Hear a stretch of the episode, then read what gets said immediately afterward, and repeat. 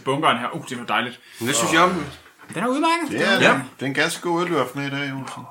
Jamen, skal du ikke lige åbne, så kan vi springe over i, Jo. i at snakke øl. Vi har jo et øh, ganske øh, uforberedt program. Det er ikke, fordi vi har så meget på programmet i dag, så vi tager det stille og roligt. Ja. Det bliver en afslappet omgang, den her. Stille og roligt. Så tænker vi, vi tager en øh, direkte over i øllen. Snakker lidt om øllen. Jamen, jeg har også behov for en pause med det der. Ja. ja. Hvordan Jamen, går det lad med ringbrønderne derfor? Ikke sådan super, kan man sige. Mm-hmm. Øh, jeg vil ikke sige så meget om det, men, øh, men vi, vi, vi lavede nogle stykker, ikke? og så ringede de ind fra DR og sagde, at de ville have dem i, i stål i stedet for aluminium. Det er lidt der pis. Så nu står jeg med en helvedes masse aluminium. Kan man jo ikke bruge det der aluminium til noget. Det er tagrende ting her, umiddelbart. Altså mm. sådan noget. Altså, NASA bruger jo aluminium på deres rumfærger. Jeg tror bare, det er det- sådan... Det er måske lidt langt at fragte. Jeg tænkte at bygge... Eller, ja, det se, senere. Ja, ja, ja. Har du tænkt dig at lave en rumfærge? Um, måske ikke til at begynde med, men, uh, men uh, kan vi da også, du ved ikke bare, du ved, stop, hvorfor stoppe ved revolution i Danmark, når vi også kan erobre rummet? Ja, altså sig endelig til, hvis du bygger en fungerende rumfærge, fordi jeg er li- lidt lidt efter nye udfordringer her i livet, og synes jorden er sådan lidt... Øh... Et æv. Jeg er ikke så velkommen, altså. Nej. Jeg tror måske, der er nogen derude, der kan forstå mig bedre end øh, Ja. menneskerne her på jorden. Jeg har også hørt, at det skulle være meget populært i tiden. Men, Danmark øh, at lave DIY-raketter. Ja, jamen altså, du, Ja. ja. kan, jo, du kan jo hjælpe mig med min uh, raket, Olsen. Så øhm, Jamen, det kan jeg sagtens. Det finder vi bare ud af. super. Ja. Men, øh, men øllen, ja. hvad, hvad Jamen, har du? øh, Skål. Jamen, det er... Ja, skål. Vi lige tage en tår mere af den, tænker jeg. Lige, åh. hvad har du fundet til os i dag? Det er jo en... Øh, normalvis så tager jeg jo de specielle øl og sådan ting. Altså, den her den er sådan lidt mere nede på jorden. På, altså det er fra ølfabrikken. Det var, jeg synes, det var lidt sjovt, ikke? Både øl og fabrik. Ja, ja. Ligesom øh, arbejderkultur. Og, ikke? navn. Altså, ikke, er ikke, industrielt. ja, ikke en god revolutionær øl for fabriksfolket, altså fabriksarbejderne. Ja, ja, Øh, den, her, den er ikke til eliten. Det er Nej, den er, nemlig, den er nemlig ikke til eliten. Det er ikke Strandvejens øl, det her. En fabrik, der laver øl. Det En, en fabrik, der laver øl, ikke? I modsætning Øhm, til bryggeri. Og så med, Ja. øh, hvad er det, der står heroppe på flyveren? Livet er for kort til lortøl, ikke? Altså, Ja. eller, Skulle der have stået. Det gjorde der ikke. Nå, det står der, hvad, det står der sgu ikke længere. Nej, der står, den er blevet bortcensureret, den der. Nej. Livet er til kvalitetsøl. Ej, det er, det er lidt mildt statement, synes jeg. Det er bedre. Ja, ikke? Jo, Der har de lidt Sådan var det ud. altså tidligere. Der har de solgt ud. ved du hvad? Det skal vi lige gøre dem opmærksom på. Ja. Så når vi indrullerer dem ind under revolutionen der, så får vi ændret det tilbage igen. Ja. Man kan sgu godt sige lortøl Når det. produktionsmidlerne genoptages af staten, og ølfabrikken kommer til at blive en del af den større fabriksinfrastruktur, så kommer der kun til at stå noget om lort og øl på vores øl. Ja. Men den har sådan en, en, en dejlig øh, tredeling i, i farven, hvor den, hvor den starter gylden oppe i toppen, og så har sådan et orange skær midt på, og så bliver sådan helt brun og, og, og mørk nede i bunden. I øllen? Ja, det er, det er en brunøl, Ja. som der står heroppe. Braun ål. Mm-hmm. Åle. Ja, Ja. Er der ål? som er... Nej, det tror, jeg- det tror jeg ikke. Det ved jeg ikke. Det lugter ikke fedt. Det, var, det lugter ikke af Måske fisk. sådan, måske sådan en lille smule havsalt. Jamen, det er også... Hvad står der? Indhold? Nå, det er alt det normale. Måske en design til, til sådan en julefrokost på. Jamen, det kan godt være, det er sådan noget, at den er lige, at den er god til ålen, måske. Mm. Sådan noget. Det er i hvert fald også bare en dansk ting, som er Ja. rigtig Ja. tilhører fædrelandet. Ja. Jamen, øh, hvor lander vi så? Jeg jeg tænker, i dagens anledning, karakterskalaen må så ligge på, hvor mange fra 1 til 6 er tilbageerobring af produktionsmidlerne ved- i den her. Øh, en 4, også fordi de gik gået på kompromis med, med sloganet her. ikke? Ja. Ja, det er- Øh, det er jeg tænker, en 4, fordi en, en folkets øl og en, en fabriksarbejderens øl, ikke? Ja. øl på fabrik, lavet til fabriksarbejdere, den går sgu da opad, men så er de, så er de solgt lidt ud, så er det, altså, jeg tænker, vi- en stærk 4. Chefen tjener lige rigeligt på øllen, kan man sige. Ja. Ja, men der er også afgift på den. Det trækker også lidt ned, vil jeg sige. Mm. Virker som en rigtig god fyr for øl, og men- efter man er færdig med- på sin fabrik. Men en, altså en, en god solid alkoholprocent er også på en femmer. Så efter at man har arbejdet i sin I sit ansigtssved. ansigts- og, og sit fodsved. ja, ja, Ja, ja. også. Ja. Ja, den, den smager rigtig af ansigtets sved. ja. Ja. Også lidt af fodsved. Ja. Knap så meget fisk. Ej, jeg synes ikke, den smager, men man kan godt ligesom mærke det, tænker jeg. Ikke? Altså, nu er ålen jo øh, tænkt set ikke en fisk, så... Hvad er det så? Øh, en snegl. Oh. Jeg troede, det var en slange. Øh, nej, nej, det er, det er øh, slanger, du tænker på. Nå, Ja. okay, ja. Arbejder du tit med slanger i dit øh, anarkistiske køkken? Øh, ikke rigtigt. Ik- ikke sådan på hjemmebasis, fordi vi sådan har, har to, og der kun er en af dem, der er en smule giftig for tyskere. Hvad med snegle? Bruger du tit dem i køkkenet? Um, ikke, ikke udenbart i køkkenet, men, øh, men øh, det er jo et af de mest revolutionære dyr. Der, der, Ja. Eller de er jo teknisk set ikke dyr. Øh, snegle er jo øh, planter. Okay. Ja, okay. Og, og på den øh, note, har du forberedt noget i det anarkistiske køkken til i dag? Storm? Hvad sker der i køkkenet, Storm? Øhm, jeg har taget det anarkistiske køkken og øh, rykket det hele vejen ud i den anarkistiske garage, simpelthen. Spændende. Åh, Simpelthen i garage. Det kan jeg langt bedre lide. Lad, Ja. ja. Jamen, kom med det. Jamen, jeg har jo øh, haft den der ulige internetdag og, og fået øh, set nogle medier, og der er en, øh, der er en gut, der, der, der fandme har formået at bygge sin helt egen øh, hjemme ubåd. Hold kæft, det er sejt, fordi Danmark er jo en våd nation. Det regner af helvede til. Ja. Øhm, så, så det synes jeg øh, egentlig er genialt, at vi, øh, at vi øh, skal have folket til selv at producere øh, sin egne sådan, krigsmaskineri til at gennemføre den her... Jeg tænker også en folkeret måske, ikke? Ja, En ubåd i, i haven per husstand. Jeg tænker, jeg tænker sådan lidt mere, at starte med, med en tank. Vi kan tage en, en standard uh, stationcar, noget, noget Volvo-agtigt, fordi de kan fandme... Den eneste måde, du kan dø i en En Volvo... Volvo er en tank. Ja, ja, men jeg tænker, nu har du rigtig meget... øh, Du siger, du har aluminium til, til overs, og det uh, kendetegner sig jo ved at være... 1200 kilo. Giv det Ja. bare gas. Og det er, jo, det, det er jo ekstreme mængder, fordi det er øh, også et meget, meget let metal. Så, øh, så det vil være, faktisk være øh, rimelig godt til at kunne armere sådan en, øh, en vogn øh, rimelig, øh, rimelig sikkert. Ja. Jeg ved ikke, om aluminium er det bedste til at pansre med. Jeg tror, det er rimelig øh, sart.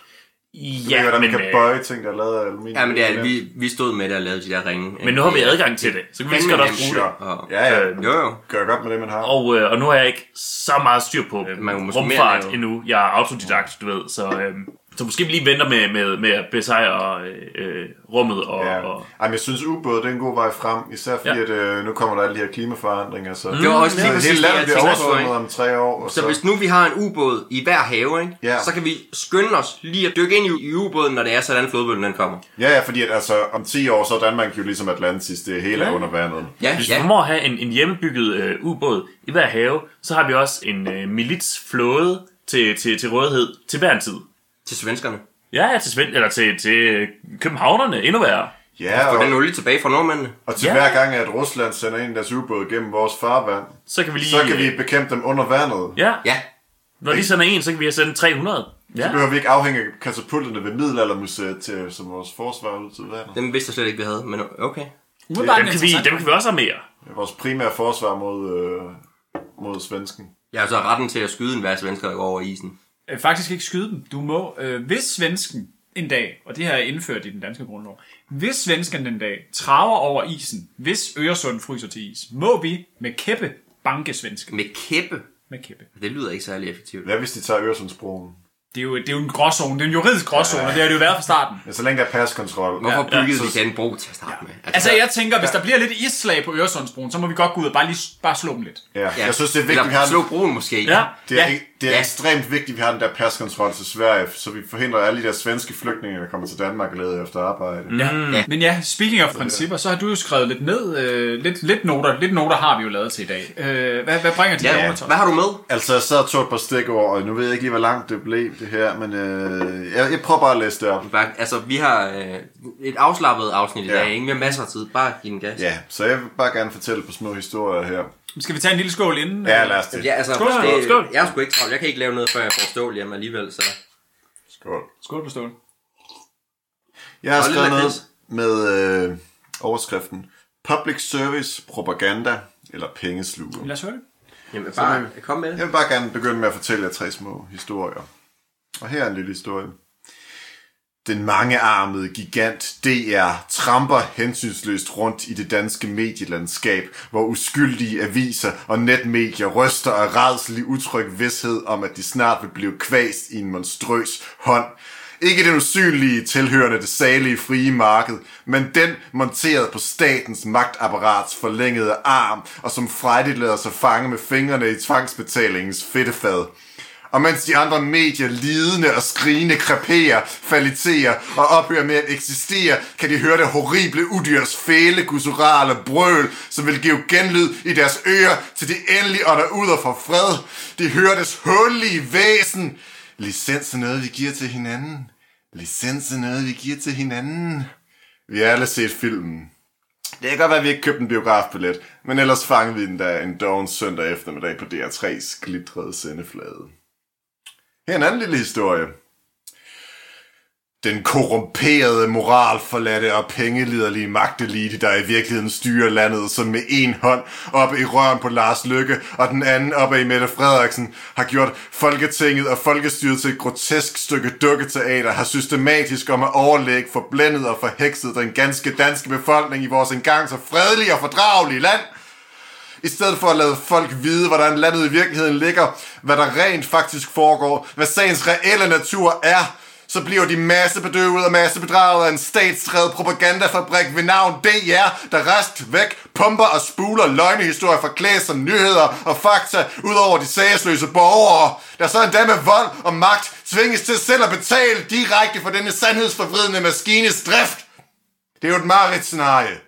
Den eneste vej ud er at sluge en rød pille fuld af opiater, holde på sølvpapirshat og solbriller, og haste ned og kaste en stemme efter de nye borgerlige, så de kan få banket noget forstand ind i det forfaldende land, og få slået nogle af disse ondsindede flygtninge tilbage til deres startjordhul. Og her er så en tredje lille historie. Der var engang et lille kongerige mod nord, der havde så lille et sprogområde, at det kapitalistiske marked på egen usynlige hånd ikke var nok til at sikre en produktion af højkvalitetskultur og journalistik på sproget. Men i stedet for blot at trække på skuldrene og lade det uprofitable danske sprog og nationalkultur dø ud og befolkningen åndeligt sulte ihjel, besluttede man, at fællesskabet skulle finansiere produktionen af dansk medieindhold gennem en fælleskasse. Og denne fælleskasse skulle indkræves separat fra den almindelige skat, for at sikre, at den siddende regering ikke skulle kunne diktere, hvad der skulle sendes, og ikke skulle kunne lægge politisk pres på, hvordan nyhederne skulle formidles. Så kunne vi have radio- og tv-kanaler uden konstante reklamepauser og sponsorerede udsendelser. Så kunne der være plads til savlige, gravende journalister, morsomme og mærkværdige påfund, koncerter med jazz og klassisk musik og meget andet, uden at hver eneste konstant skulle måles og vejes for, om det indbringer nok reklamekroner til at give overskud i ejernes skattekiste. Det er en løsning, der har været i drift gennem mange år, hvad vi har kaldt dem for statsradiofonien, Danmarks Radio eller bare DR. De har været fast inventar i den danske folkebevidsthed, hvad end det har været gennem øh, Matador, Bamse og Kylling eller Drengene fra Angora. Hvad enten man har svinget til popbaskere på P3 eller kloget sig i dybsindigheder på P1. Danskerne har samlet sig om deres tv-avis for at lade sig orientere om, hvad der foregår her til lands og i den store verden derude. Det var tre små historier, men den samme skikkelse i hovedrollen. Vores allesammens medielicensmodtager, DR. Hvilken en er mest rigtig? Tja, det kommer helt an på, hvem du spørger. Der er vel ikke en eneste dansker, der ikke har en højrøstet holdning til DR og licenssystemet. Og tilsvarende, så er der jo ikke noget endegyldigt svar, noget platonisk ideal for, hvordan public service opgaven skal forvaltes hvor store DR skal være, og præcis hvad de skal levere.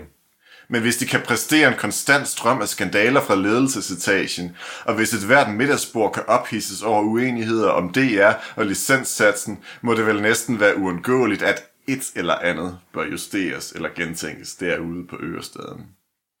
Der florerer mange forslag til, hvor der kan spares på orkestre, på X-Factor, på netnyheder, på hvor mange heste, der bliver flået over Atlanten, på hvor mange mangfoldighedskonsulenter, der er brug for, og meget andet.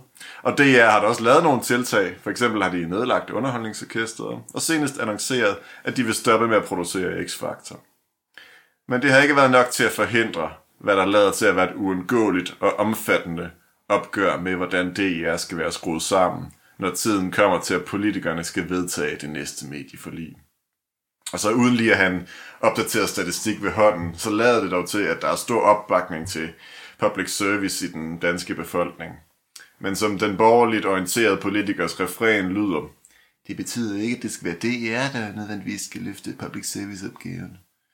Og her kimer aviser og netnyhedsmedier frejdigt med i kor og kaster sig over intense kampagner, der skal afsløre, at DR kun eksisterer for at udsulte dem og for at stoppe befolkningens spareskillinger langt ned i deres direktions jakkefor. Og hvorfor proklamerer de så højrystet og jævnligt, at DR er fandens værk? Det er fordi deres salgstal og reklameindtægter styrtdykker, fordi bunden er gået ud af markedet. Og mens Google og Facebook hapser alle pengene, fordi de ejer de platforme, hvor publikum rent faktisk befinder sig, så insisterer aviserne på, at hvis DR's respirator blot blev slukket, så ville enhver dansker gå ned og tegne et abonnement på politikken, børsen og Berlingske og sætte sig til rette i en rede af dødt træ og mæske sig i daggamle breaking news. Jeg tror sgu ikke, at Jyllandsposten ville klare sig bedre i Danmark uden DR. Vi ville bare have en fattigere nyhedsdækning og et svagere journalistkorps til at udfritte politikerne om deres rådne gøren og laden. Og aviserne og netnyhedsmedierne holder sig alligevel også selv kun oven vande, fordi de får en jævn forsyning af mediestøtte. Så skal de virkelig sidde der og kaste med småsten? Alt det er ikke for at sige, at det er en spartansk og asketisk organisation, der fremt spænker og sparer hver eneste almisse, de allernådigst skænkes af den barmhjertige befolkning. Der er helt sikkert afdelinger derinde, der lidt for frist griber til checkhæftet. Et hurtigt eksempel kunne være, da DR i 2013 brugte over 700.000 kroner på at sende hele direktionen til Paris i to dage for at være til seminar om den nye digitale medievirkelighed. Åbenbart ikke noget, der kunne løses vi ved ikke, digitalt. Og så var der jo igen den med hesten. Så hvad er DR? Public service, propaganda eller pengesluger? En nem skydeskive for billige politiske point – en markedsforvridende, arkæisk institution, der suger livet ud af medieindustrien. En regning, som man betaler, uden at man føler, at man får noget for den. En rotterede fuld af røde lejesvende med slet skjulte socialistiske agendaer. Eller måske en stabil leverandør af højkvalitetsindhold til flest mulige demografier i et land, hvor kun det dummeste, det mest platte og pedestrianske rent faktisk er profitabelt, som trods en række fejltrin og dårlige beslutninger dog alligevel har holdt danskerne underholdt og oplyst i over 90 år. Hvad er DR? Det er et spørgsmål lige så bredt som det politiske spektrum, og lige så umuligt at opnå bred enighed om. Det var ordene.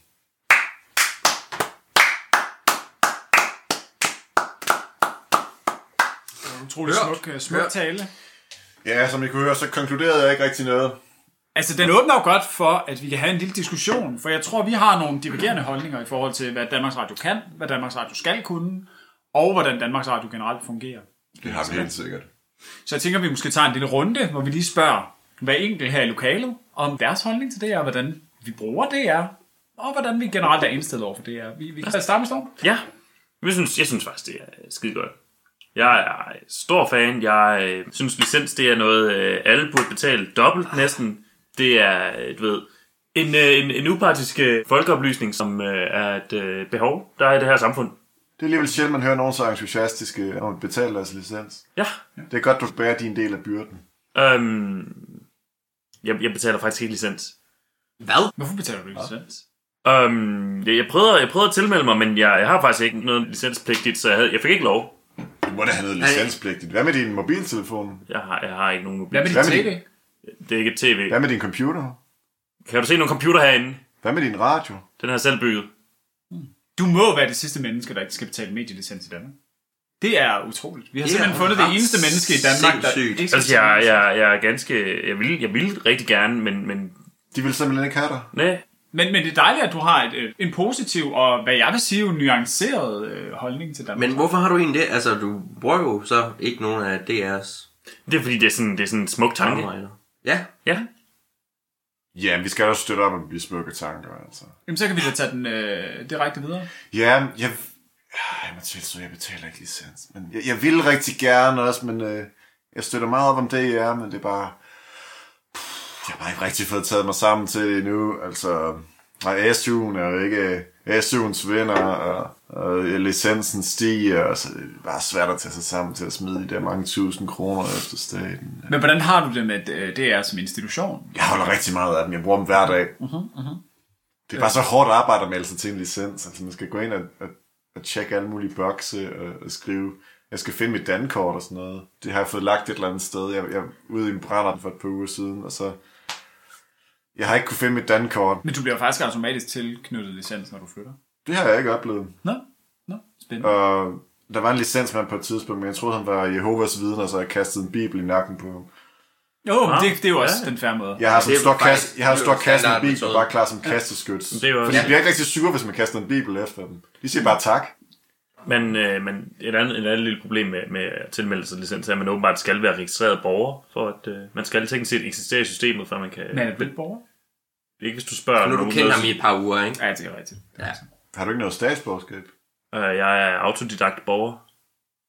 Okay, øhm, jeg tror ikke, vi behøver at dykke dybere i det. Nej, nej, det tænker jeg heller ikke. Men, øh, men med universitetskanten rundet, hvordan har vores clients med det med Danmarks Radio? Jeg har sgu ikke tid til at se det der lort, når endelig er altså arbejdsdagen den er færdig nu. Men føler du ikke, at du øh, bliver repræsenteret af Danmarks Radio? Altså hverken på... ra- Hører du ikke radio, eller til tv, eller bruger deres internetportal? Nej, det gør jeg sgu ikke. DRTV, eller... Porno er jo ikke godt over radioen. Nu kommer der an på, hvad med på. Altså, hvis, hvis endelig det skal være, ikke, så er det noget, noget lørdags-tv eller sådan et eller andet, ikke? Der, det er sgu heller ikke det, er. Lørdags-tv, så, det er så Jersild på DR2, eller hvad? Nej, nej, nej, nej, nej, nej, nej, nej. Nej, Det er det, det mest ophidsende, der kommer på TV3 lørdag. du. Hold kæft, mand. Det er fantastisk tv. Men så skide godt underholdt.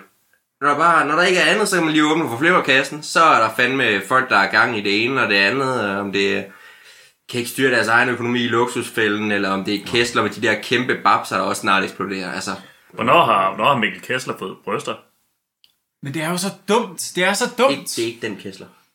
Det er jo, og det, det, det tror jeg simpelthen godt, vi kan blive enige om herover på, Ja. ja. på, på den anden fløj. Altså, det handler jo om dannelse af folket, og det er jo ikke altid folket ved, hvad er bedst for folket. Altså, folket har folkeånden, øllen, revolutionen, Ja, men dannelsesperspektivet, vores Ja. overparaply af kulturel dannelse og indhold, det er vi jo nødt til at administrere eksternt. jeg har sgu da gået i skole. Altså, jeg har da en 8. klasse. Men sådan noget TV3 reality-tv, det er jo fuldstændig substansløst. Det er som at spise candyfloss til aftensmad.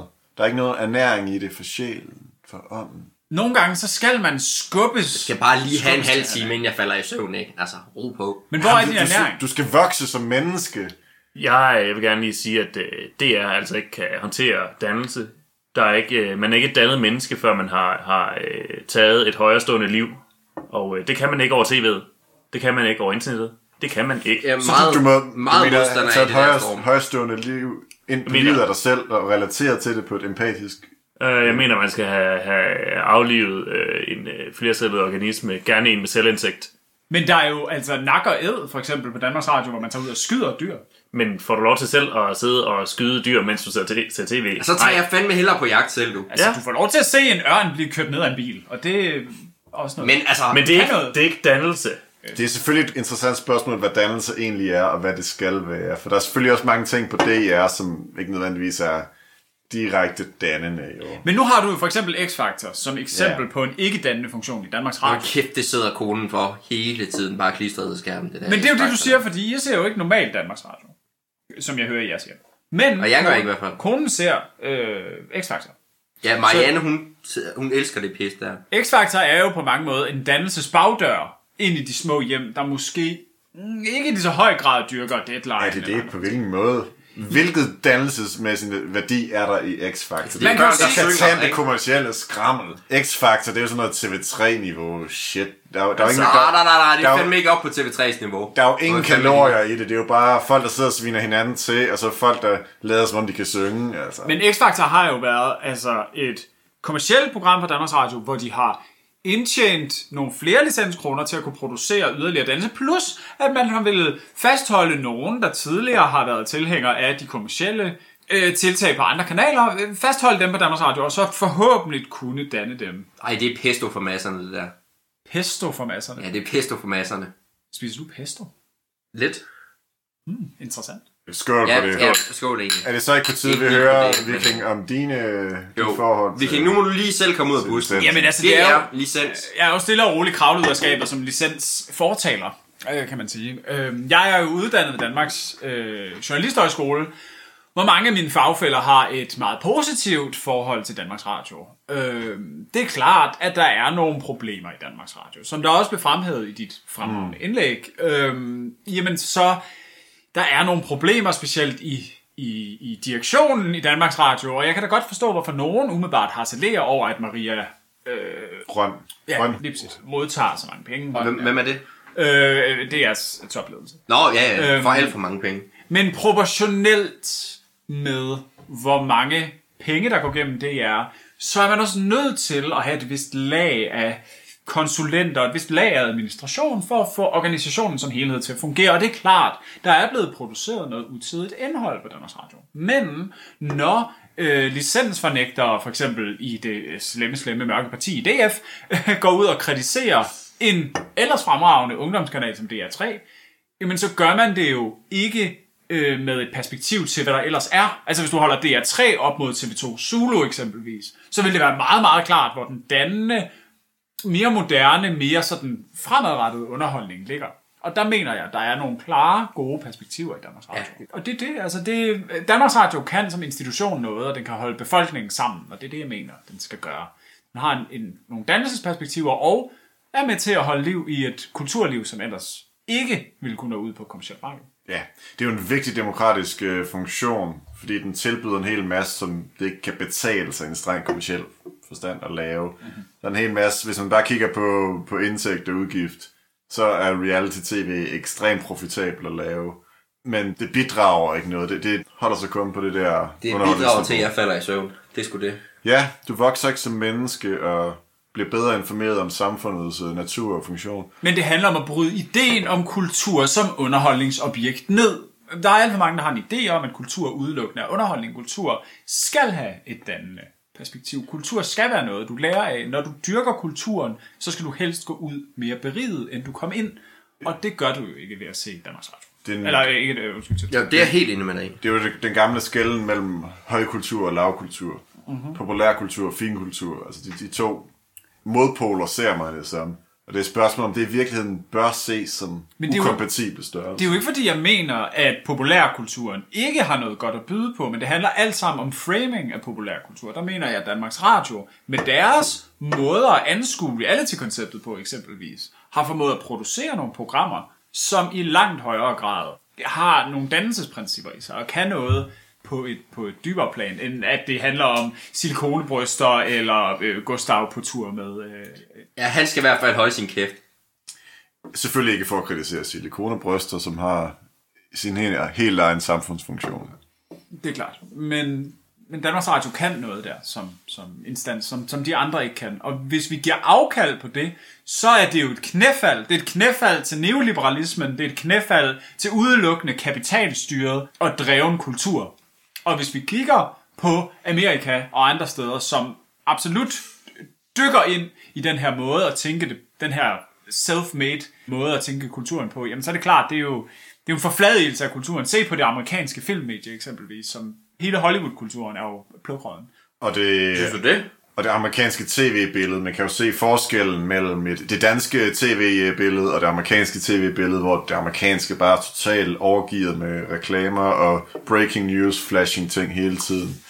Hvor det overhovedet ikke har den der besindighed og øjebliksro, som man godt alligevel kan finde i små øer på Danmarks Radio. Silikonebryster kan jo bruges som våben.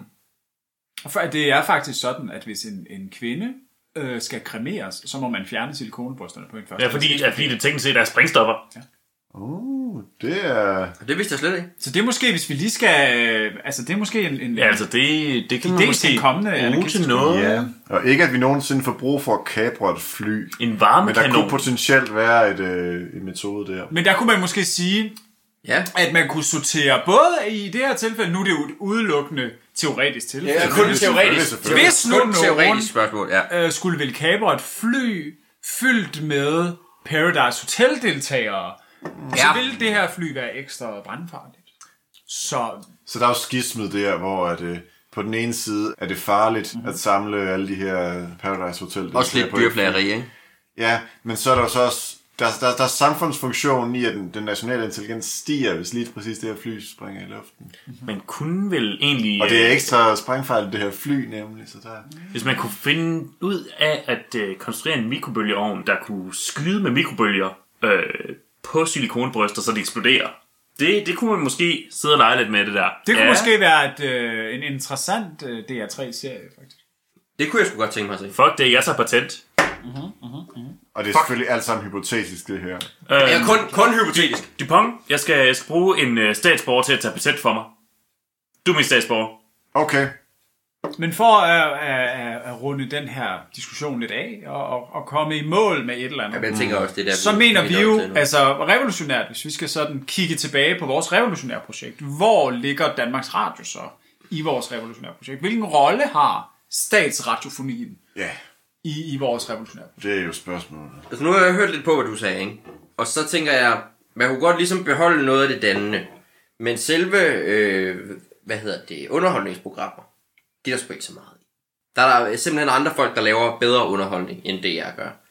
Så hvis man kunne cutte det, og så måske en del af støtten, i forhold til, hvor meget af de penge, de ligesom bruger til det. Ja, men Jeg altså, synes bestemt, man skulle beholde de dele af det, der fungerer. for når man ser sådan et program som øh, sådan X-Factor eller andre reality-agtige ting, det er ting, som bringer seere ind, og som per definition så vil også vil bringe reklamekroner ind, hvis der var reklamekroner at finde der.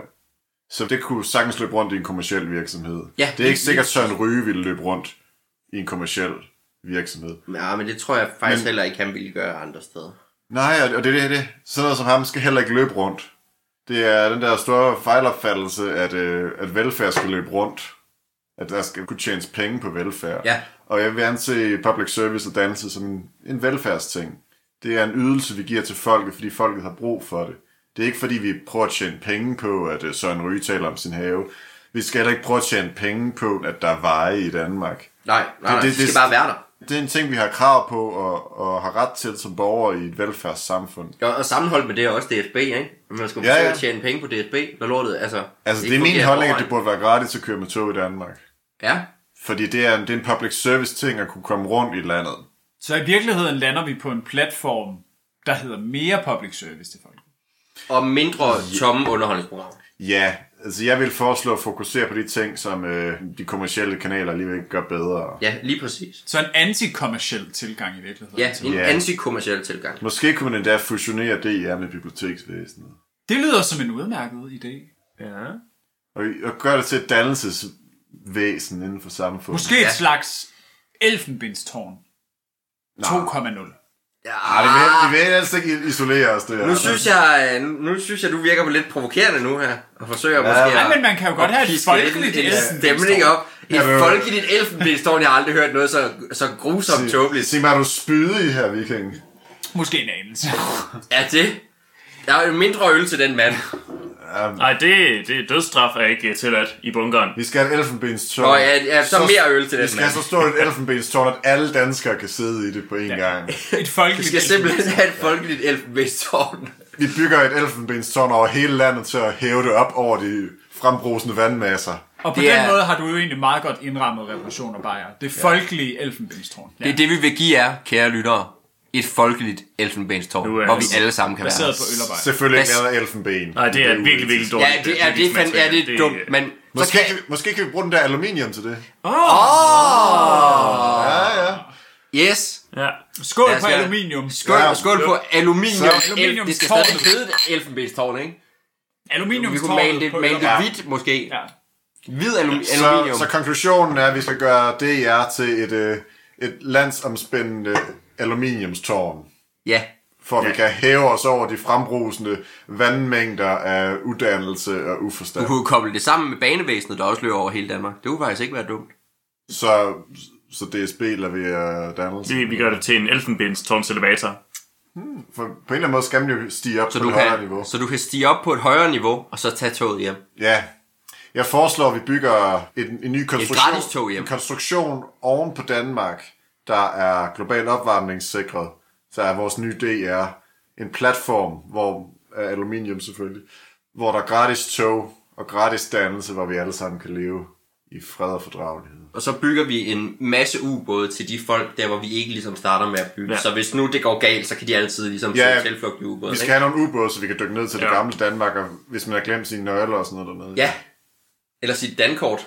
Ikke? Ja. Ja. Pong. ja, jeg ved ikke, hvad der bliver af det. Altså, jeg kender godt det der med at miste mit dankort. Sidst jeg så mit dankort, var det fuld af coke.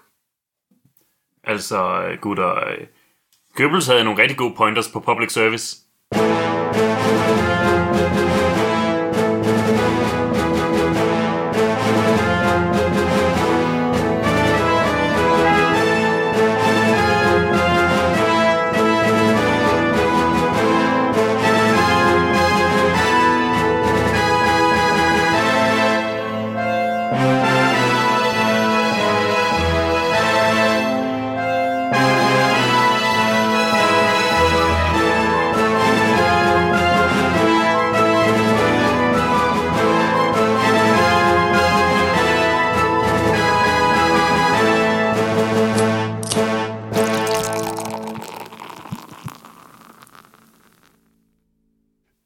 Podcast er produceret af Månegal Media, et lille, uafhængigt mediekollektiv.